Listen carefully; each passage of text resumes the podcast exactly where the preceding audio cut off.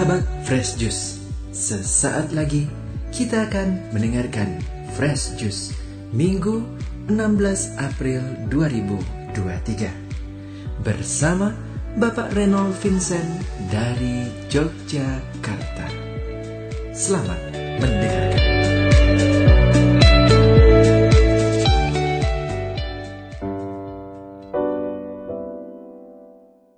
Bacaan dari Yohanes bab 20 ayat 19 sampai 31. Ketika hari sudah malam pada hari pertama minggu itu, berkumpullah murid-murid Yesus di suatu tempat dengan pintu-pintu terkunci karena mereka takut kepada orang-orang Yahudi. Pada waktu itu datanglah Yesus dan berdiri di tengah-tengah mereka dan berkata, damai sejahtera bagi kamu. Dan sesudah berkata demikian, ia menunjukkan tangannya dan lambungnya kepada mereka. Murid-murid itu bersuka cita ketika mereka melihat Tuhan. Maka kata Yesus sekali lagi, damai sejahtera bagi kamu. Sama seperti Bapa mengutus aku, demikian juga sekarang aku mengutus kamu. Dan sesudah berkata demikian, ia mengembusi mereka dan berkata, Terimalah roh kudus. Jikalau kamu mengampuni dosa orang, dosanya diampuni. Dan jikalau kamu menyatakan dosa orang tetap ada, dosanya tetap ada. Tetapi Thomas, seorang dari kedua belas murid itu yang disebut Didimus, tidak ada bersama-sama mereka ketika Yesus datang ke situ. Maka kata murid-murid yang lain itu kepadanya, "Kami tidak melihat Tuhan." Tetapi Thomas berkata kepada mereka, "Sebelum aku melihat bekas paku pada tangannya, dan sebelum aku mencucukkan jariku ke dalam bekas paku itu, dan mencucukkan tanganku ke dalam lambungnya, sekali-kali aku tidak akan percaya." Delapan hari kemudian, murid-murid Yesus berada kembali dalam rumah itu, dan Thomas bersama-sama dengan mereka. Sementara pintu-pintu terkunci, Yesus datang dan ia berdiri di tengah-tengah mereka dan berkata, "Damai sejahtera bagi kamu." Kemudian ia berkata kepada Thomas, "Taruhlah jarimu di sini dan lihatlah tanganku." Ulurkanlah tanganmu dan cucukkan ke dalam lambungku. Dan jangan engkau tidak percaya lagi, melainkan percayalah. Thomas menjawab dia, Ya Tuhanku dan Allahku. Kata Yesus kepadanya, Karena engkau telah melihat aku, maka engkau percaya. Berbahagialah mereka yang tidak melihat, namun percaya. Memang masih banyak tanda lain yang dibuat Yesus di depan mata murid-muridnya yang tidak tercatat dalam kitab ini. Tetapi semua yang tercantum di sini telah dicatat supaya kamu percaya bahwa Yesuslah Mesias, anak Allah, dan supaya kamu oleh imanmu memperoleh hidup dalam namanya. Demikianlah Injil Tuhan. Shalom para sahabat Fresh Juice yang terkasih dalam Kristus, berkah dalam, selamat Paskah.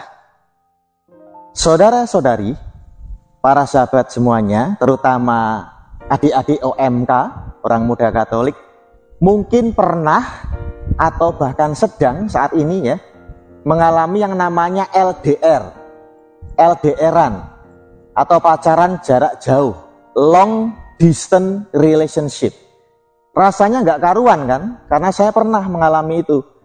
Kita pengen ketemu tapi tidak bisa melihat.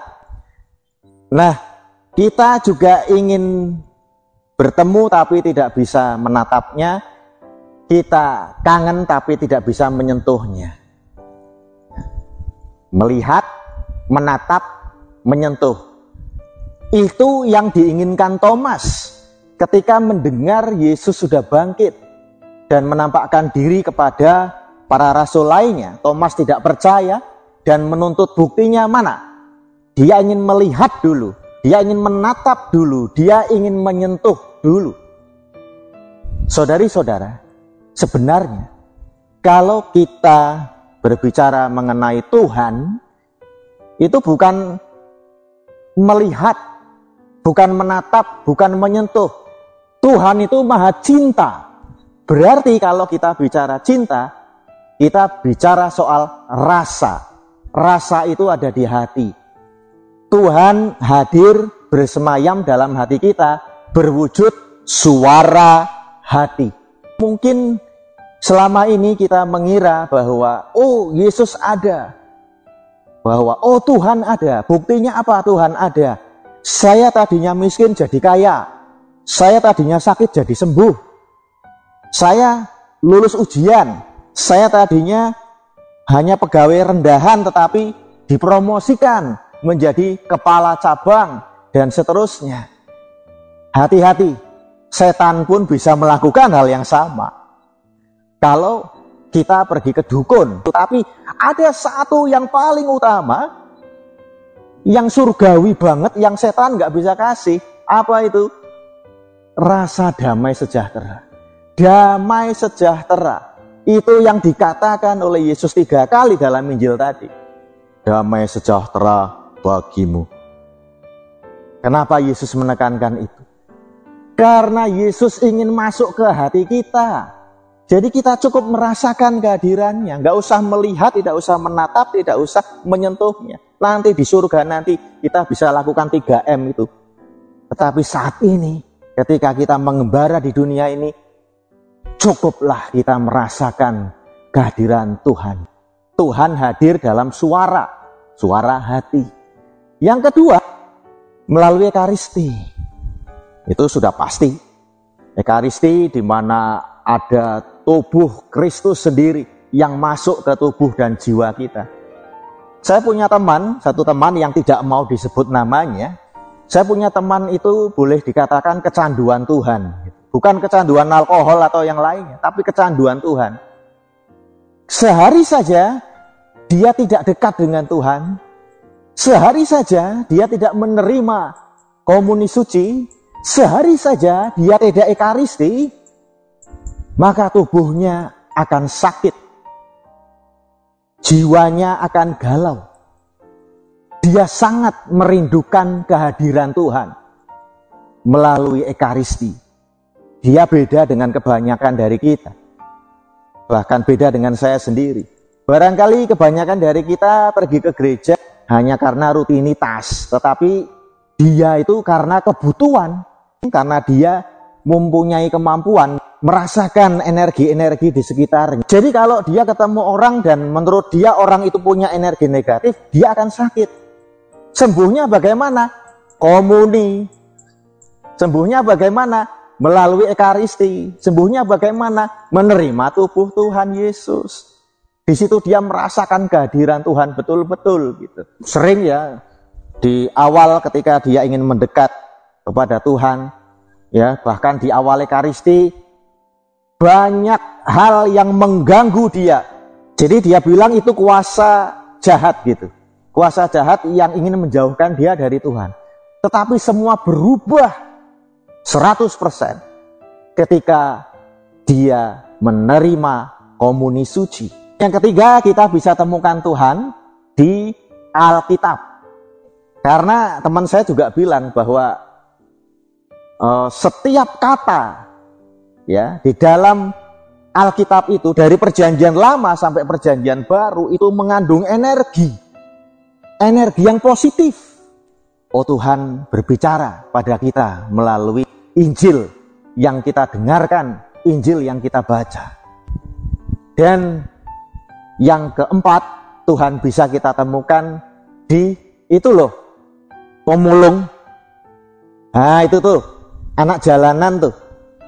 Itu gelandangan, itu tetangga kita yang sedang butuh bantuan kita.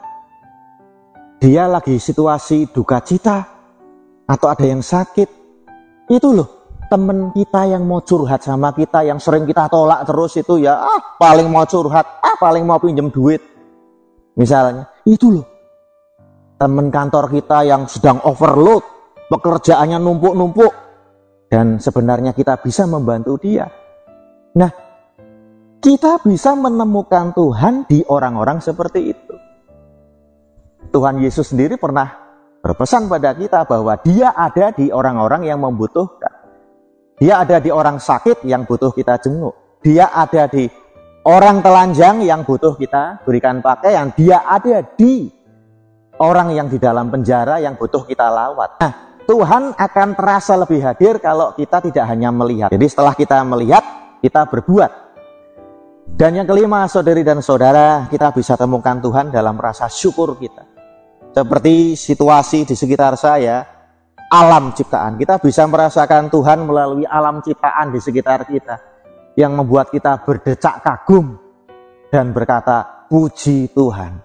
Kalau tiap hari kita bisa ngomong puji Tuhan, maka kita akan semakin dekat dan merasakan kehadiran Tuhan. Maka mulai detik ini mari kita jalani LDR yang benar. Love distant relationship yang benar.